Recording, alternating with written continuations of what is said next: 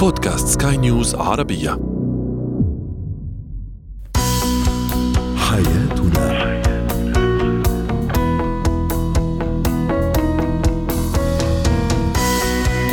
مستمعينا الكرام أهلا بكم معنا إلى حياتنا. برنامجكم اليومي الذي يعنى بشؤون الأسرة وباقي الشؤون الحياتية الأخرى والذي يمكنكم أيضا الاستماع اليه عبر منصة سكاي نيوز dot com slash podcast وباقي منصات البودكاست الأخرى. معي أنا امال شاب. نتحدث اليوم عن الأزواج الذين يعملون في نفس المكان في نفس المؤسسة. أيضا كيفية قراءة النشره النشره المرفقة مع الدواء بشكل صحيح؟ وأخيرا اختيار الملابس بحسب المناسبات. وهي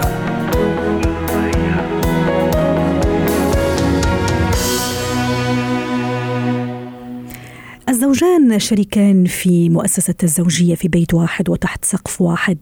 لكن أحيانا يكونان أيضا شريكين في الحياة العملية وفي نفس المؤسسة مؤسسة العمل وفي نفس الوظيفة. للحديث عن إيجابيات وسلبيات هذا الموضوع تنضم إلينا عبر الهاتف الدكتورة كريم إلية المستشارة النفسية والأسرية. يسعد مساكي دكتورة كريم. أحيانا يا أهلا وسهلا. دكتورة كريم أحيانا الكابل يلاقي حاله ممكن يشتغل في نفس الوظيفة أو ممكن يتعرف على بعض البعض في نفس المؤسسة ثم يتم الارتباط أو الاقتران مع مواصلة العمل بنفس المؤسسة. ما هي إيجابيات وسلبيات هذا الموضوع؟ وكيف أجعل منه إيجابي إذا كان الأمر يعني يتجه أو نحو منحى سلبي؟ نعم. آه تقريبا ببعض الأحصائيات بيقولوا إنه حوالي 30% من الثنائيات هن بيتعرفوا على بعضهم بمكان العمل. ولكن كمان في نسب مئوية ثانية بتقول إنه من بعد ما تصبح العلاقة جدية أحد الطرفين بيتخلى عن عمله بنفس المكان مع شريكه للتحول إلى عمل آخر. ومعظم الأحيان بتكون المراه يعني بينطلب منها تترك الشغل. وفي بعض الشركات عندهم سياسات خاصة إنه ما بيستقبلوا شريكين أو أخ وأخته أو اب أب وابنه. بنفس الشركة. ايجابياتها منا كثيره ولكن في إيجابيات على الرغم من كل النقاط الثانية اللي ممكن تكون سلبية إذا ما عرفنا نتعامل معها. وهي النقطة الأساسية الإيجابية هي إنه ممكن اتفهم شريكي أكثر من غير أمور ثانية إذا عم بيعاني من مشاكل بالعمل إذا عم بيعاني من دوامات بالعمل طويلة وإذا عم بيعاني من ضغط بالعمل. أنا كوني شخص عم بعيش معه يوميات العمل وعم بختبرها هيدي وحدة من النقاط يلي بتساعدني أتفهمه وبركي أعطي مساحة من الدعم أعطيه بعض النصائح كوني أنا على اطلاع بهيك الأمور الداخلية للعمل لبعض الشخصيات. ونفس الشيء ينطبق على هذا الزوج دكتورة كريم بمعنى أنه هو أيضا راح يقدر ساعات العمل الطويلة الإرهاق التعب ممكن أحيانا ستريس أيضا ممتاز. صحيح عم بحكي عن أحد الشريكين مين ما كان يكون. هو مم. عنده هيدي القدرة على تفهم الشريك لأنهم بيعملوا بنفس المكان وبنقطة ثانية بيقدروا يساعدوا بعضهم إنه إذا في أحد الأطراف الخارجية عم بتحاول تعمل عليهم ضغط نفسي أو أحيانا ممكن يكونوا عم يسمعوا في ترقية بدها تكون لشريكهم ولكن لأسباب مختلفة في حدا رح ياخذها من دربهم بيقدروا يستدركوا قبل بوقت. هيدي من النقاط الإيجابية إنه ينوجدوا بفرد مكان. ولكن من النقاط السلبية واللي هي كثيرة كمان اولا اولا هو إذا شركه قطعت بظروف مادية صعبة أول أشخاص ببلشوا يتخلوا عنهم هو أحد الطرفين. يعني دائما بدهم يختاروا شخص من اثنين ليتخلوا عنه. هيدي ممكن تخلق بعض هيك المنافسة بعض القلق بين الشريكين إنه ليش أنا فللوني هل لأني أقل كفاءة من شريكي ولا غيرها؟ بالإضافة لنقاط ثانية كثيرة سلبية من بينها التراتبية المهنية لأنه بالشركة في احتمال ما يكونوا اثنينهم شريك وشريكته بنفس المستوى المهني. يعني قد يكون أحدهم رئيس ومرؤوس. صح هذا اللي كنت راح أسألك عنه يعني هل هذا صحيح. يعتبر إذا كان هو رئيسي أو أنا كنت مديرته أو رئيسته في العمل؟ وهيدي صعبة كثير إنه نقدر نحن كأشخاص مع ضعفنا البشري وطبيعتنا بالعلاقة الثنائية إنه نعرف كثير نحط فرق وحدود. لأنه إذا في رئيس ومرؤوس أحيانا أنا بستفيد منها فرصة تمارس سلطة على شريكي بمكان العمل. بينما بالبيت أنا بدي أرجع لموقعي الطبيعي يلي هو شريك مثل ما ذكرتي حضرتك. يعني نحن ما عندنا تسلسل آه، أو تراتبية. بالعلاقة بالبيت. فهيدي نقطة ممكن تكون عائق وممكن تخلق مشاكل. بالإضافة للنقاط يلي كثير عامة ومشتركة هي الخلافات الزوجية يلي بيجيبوها من البيت على مكان العمل. أحيانا وكل فريق العمل بيصير عارف إنه اليوم العلاقة مش ظابطة اليوم مخانقين اليوم في مشاكل عائلية. أو حتى أسرارنا أحيانا نطلعها وتكون صحيح. يعني صحيح. وجبة دسمة في بيئة العمل للأسف يعني. صحيح لأنه بتنعكس على طبيعة العلاقة بالعمل بتنعكس على الأسلوب.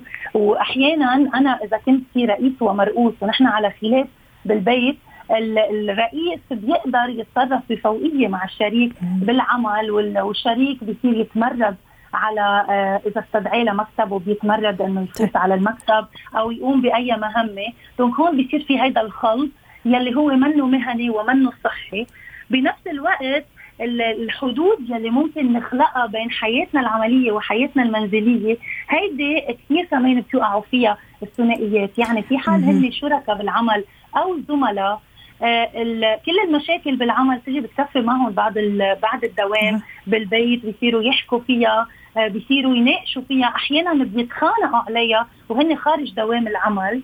بالإضافة أكيد لنقطة كمان أساسية وهي ما بينتبهوا لها هي الخصوصية والسرية للعمل، أحيانا أنا عندي مسؤوليات كوني آه، بموقع معين بالعمل.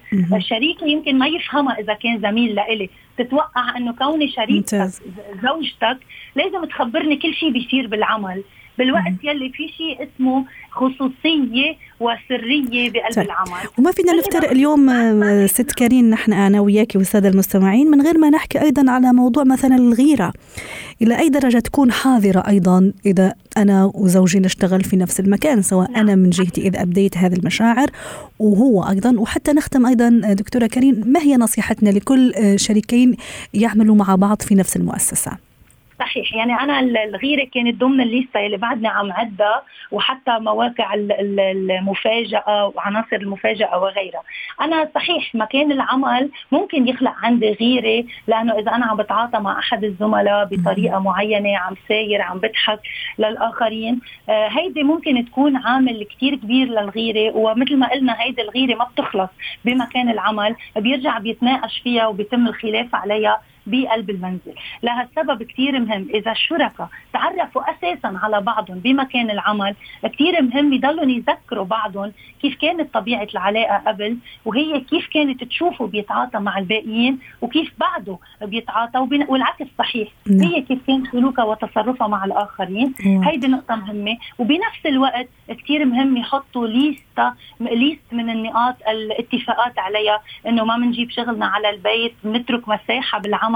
ما بنضل مضطرين نكون موجودين آه، مكاتبنا بنفس الغرفة. آه، أنا بعطيكي مساحة أنت بتعطيني مساحة لأنه بالنهاية هذا مكان عمل الخصوصية وغيرها. نعم. وقت يتفقوا على هيدي النقاط بيقدروا يتخطوها مع الوقت بالعلاقة. رح يتخانقوا عليها بكثير مواقف ولكن أحيانا بيرجعوا آه، بس يرجعوا يصوبوا الأمور بيقدروا يتوصلوا لحلول وكلها بترتبط بالنضج الفكري والعقلي عند الأشخاص. شكرا لك كارين ايليا المستشارة النفسية والأسرية ضيفتنا من بيروت.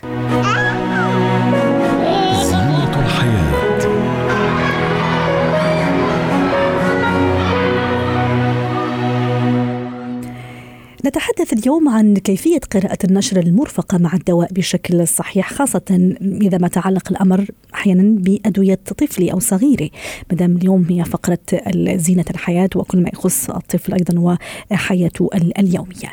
للحديث عن هذا الموضوع ينضم إلينا عبر الهاتف استشاري طب الأطفال الدكتور أحمد عبد العالي. سعد مساك دكتور أحمد. في البداية خلينا نتساءل أنا وحضرتك وكل السادة المستمعين هل فعلا نحن نقرأ النشرة المرفقة مع الدواء لما نجي مثلا من عند الدكتور وأعطانا وصفته الطبية ولا حتى من عند الصيدلي لما نشتري أي دواء عادي مثلا خلينا نقول بانادول أو مخفض حرارة عادي هل نحن نقرأ هذه النشرة؟ إذا كان الأمر كذلك هل نحن نقرأها بشكل جيد؟ إذا كان الأمر لا ما هي تعليماتك دكتور أحمد اليوم حتى تفيدنا؟ كيف نقرأ هذه النشرة؟ آه، هو طبعا السؤال اللي تفضلت فيه الأول إحنا يعني الناس بتقرأ النشرة لا للأسف يعني كل الدراسات بتقول إن معظم الناس ما بيقرأوش النشرة الدوائية اللي موجودة مع الدواء. آه، مع إنها مهمة جدا جدا يعني لو لو لو فصلنا التفاصيل اللي فيها. يا ريت يا ريت نحن اليوم حتى نفصلها بشكل مبسط أيضا دكتور أحمد وحتى نعم الفائدة على كل السادة المستمعين. تمام. هي الحقيقة النشرة الدوائية هي خريطة طريق للعلاج المناسب والتوعية للمريض وده أمر ملزم لكل شركات الأدوية إنها لازم تضحى مع الدواء لزيادة وعي المريض والشفافية. آه، وده ملزم من الاتحاد الأوروبي ومن الاف دي اي اللي هي الهيئة الأمريكية للغذاء والدواء. ولكن تقع المسؤولية الأصيلة على الطبيب والصيدلي لشرح طبيعة المرض وتفاصيل الدواء للمريض. يعني هذا لا يعفي مسؤوليتهم. لأن ده حق المريض طبعا والمريض هو آه الطبيب هو اللي بيوصف الدواء في الأول وفي الآخر.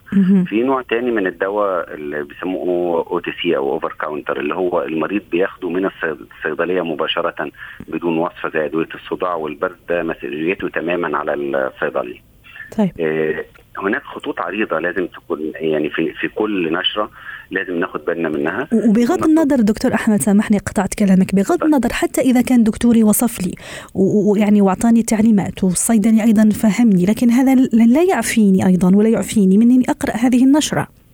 تمام أوافقك تماما طبعا. طبعا لأن ده ده مسؤوليتنا واهتمامنا بنفسنا. صح. آه بيكون في خطوط عريضة موجودة في كل نشرة زي اسم المادة الفعاله للدواء. الجرعات العلاجية وتركيزها حسب الوزن والعمر نوع الدواء شراب لبوس حقن دهان. بيكون في تعليمات زي إمتى يتاخد الدواء يعني هل بتاخد مثلا مرتين بتاخد ثلاث مرات بتاخد الصبح بس بتاخد الليل بس. لأن الحاجات دي ليها ليها ليها معنى تاني ح يعني هقوم بشرحه. آه، بتاخد بعد الأكل أو قبل الأكل لأن في أدوية لا تمتص على على المعده مليانة وفي أدوية لو اتخذت على معدة فاضية ممكن تسبب في قرحة في المعدة أو في مشاكل كثيره فالجزء ده مهم جدا. موانع الاستعمال. آه تحذيرات آه بالظبط. تحذيرات تحذيرات إن الدواء ده ما يتاخدش مع أدوية معينة ما يتاخدش مع مريض معين زي زي مريض القلب أو السكر. إن ده ما يتاخدش أثناء الحمل والرضاعة. إن الدواء ده لما تاخده آه، لا تاخد سيارة لأن ده بي بيعمل اثار جانبية. أو أو, أو أثار جانبية فما ينفعش تسوق سيارة أو تاخد سيارة في الظروف دي لازم يكون مكتوب فيه كمان الآثار المحتملة. الجانبية المحتملة. حتى لو واحد في المليون فان الشركة ملزمة بذكرها. آه، طريق تاريخ صلاحية الدواء ده الدكتور مش هيشرحه لل...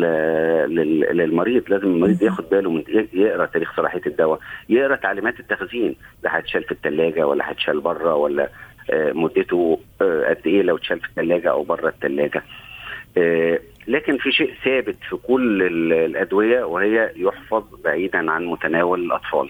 صح. وده يعني بنكررها كتير. ده ده ثابتة بالنسبة لكل الدواء لازم يحفظ بعيدا عن متناول الأطفال.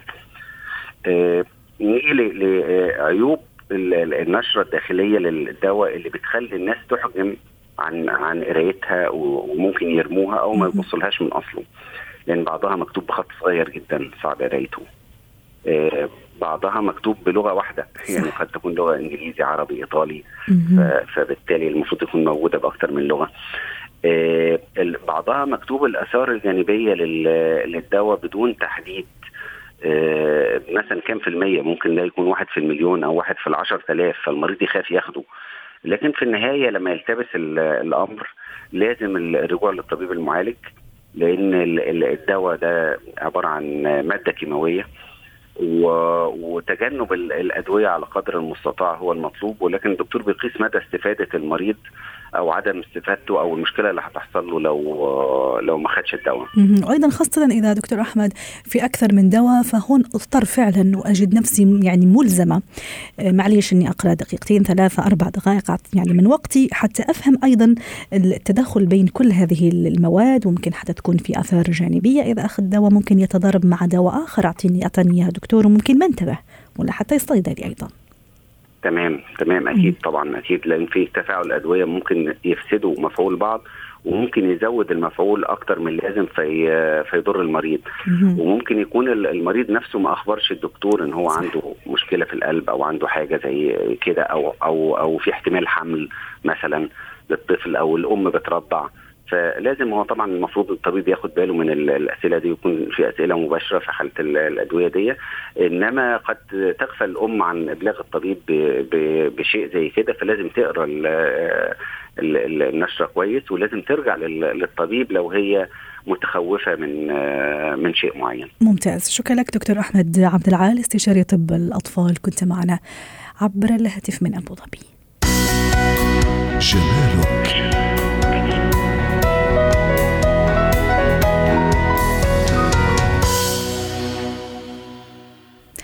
يعتبر حسن اختيار الملابس هي من أحد أهم الأساسيات التي يحرص الأشخاص على القيام بها ليس فقط لأنها تعكس جمال مظهرنا ومظهرنا الخارجي فقط لا لأنها أيضا تعبر في نفس الوقت عن شخصياتنا أذواقنا تؤثر أيضا في ثقتنا بأنفسنا. نتحدث اليوم عن كيفية أو فن اختيار الملابس خلينا نقول في المناسبات على اختلافها للحديث عن هذا الموضوع تنضم إلينا عبر الهاتف؟ هبة حوراني خبيرة الموضه يسعد مساكي ست هبة.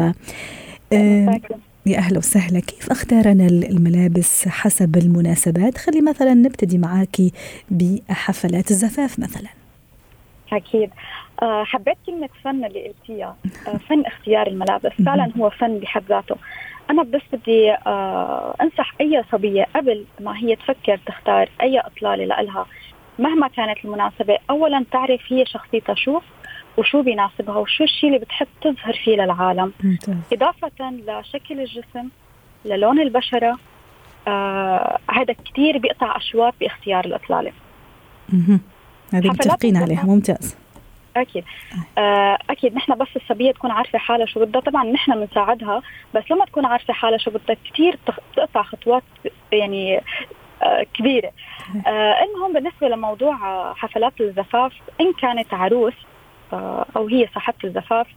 آه دائما نحن معروف آه إنه العروس لازم يحطوا لها كل شيء أو لازم تعمل كل شيء ولازم تكون كثير آه آه معتنية ببشرتها وبمظهرها وبال make up تبعها.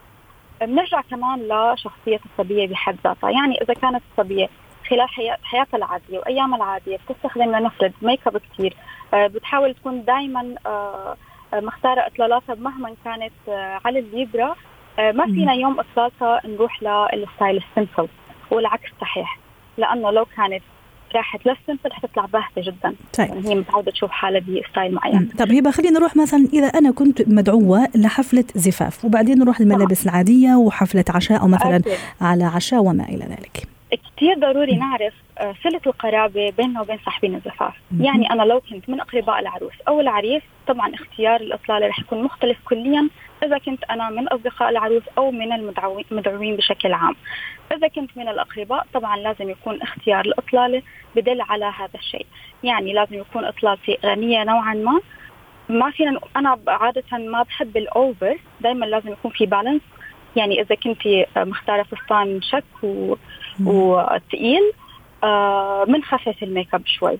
إذا كنا عاملين make up آه قوي. مهم. آه بنروح لفستان بسيط. ولازم دائما آخذ في الاعتبار أنه مش أنا في النهاية أنا هي العروس. أنا ممكن أخت العروس أو قريبة العروس لأنه في النهاية لازم عروس هي اللي تبرز مع أيضا الحرص على عدم ارتداء اللون الأبيض لأنه اللون الأبيض هو حصري لا لا للعروس لا العروس. ممتاز. آه طيب. كان في إطلالات لاخوات أو أصدقاء العروس بألوان آه، من اللون الأبيض ولكن كانت العروس لابسة اللون البرونز اللي من فترة كان دارج. آه بمنصات الموضة. طيب نروح هبة مثلا لحفلة عشاء مثلا.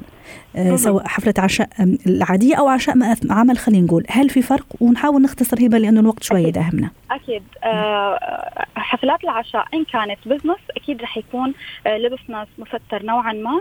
آه، الألوان ما تكون كثير الالوان النيون والألوان اللي كثير فاقعة. نروح لأشياء professional و classic أكثر. آه، مع مراعاة ال make up الخفيف والشعر المرتب. جميل. أما إذا كان حفلة عشاء عادية بيكون خياراتنا أوسع وكمان نتبع خطوات الجسم آه، شكل الجسم ألوان البشرة ومكان ووقت العشاء. مقابلات العمل هبة أو اختيار الملابس في مقابلات العمل. آه كمان هي نوعا ما قريبة لعشاء العمل. آه كمان لازم يكون لبسنا كونزرفتيف ألوانها كتير محدودة ألوان الغامقة. آه مثل ما قلت إنه مسترة إن كان بنطلون أو سكرت تكون طويلة ويكون يعطي نوع من الجدية باللباس تبعنا. أول لقاء مع مثلا الخطيب أو زوج المستقبل أو الشريك أيضا كيف الحرص يكون أيضا في هذه النقطة؟ عدم الابتذال وعدم آه المبالغة بالإطلالة. اغلب الصبايا بيحاولوا كمان إنه هن كثير يعملوا آه، خطوات ليظهروا جمالهم. لا تكون كثير بسيطة لأنه دائما أول أطلالة بتكون معبرة عن الشخصية أو أول لقاء لحتى ما يكون تشتيت الانتباه للشكل أكثر من الشخصية. اللقاءات والتجمعات العائلية هبة؟ آه هيدا طبعا حسب الوقت. إذا كان آه غدا ببيت إذا كان آه طلعة بمكان خارجي عندنا حرية الاختيار آه بملابس بسيطة ومريحة أو نحن نكون بين البسيطة وبين المتكلفة نوعا ما. شكرا لك هبة حوراني خبيرة الموضة على كل هذه المعلومات وعلى هذه المداخلة. ختام برنامج حياتنا شكرا لكم وإلى اللقاء. حياتنا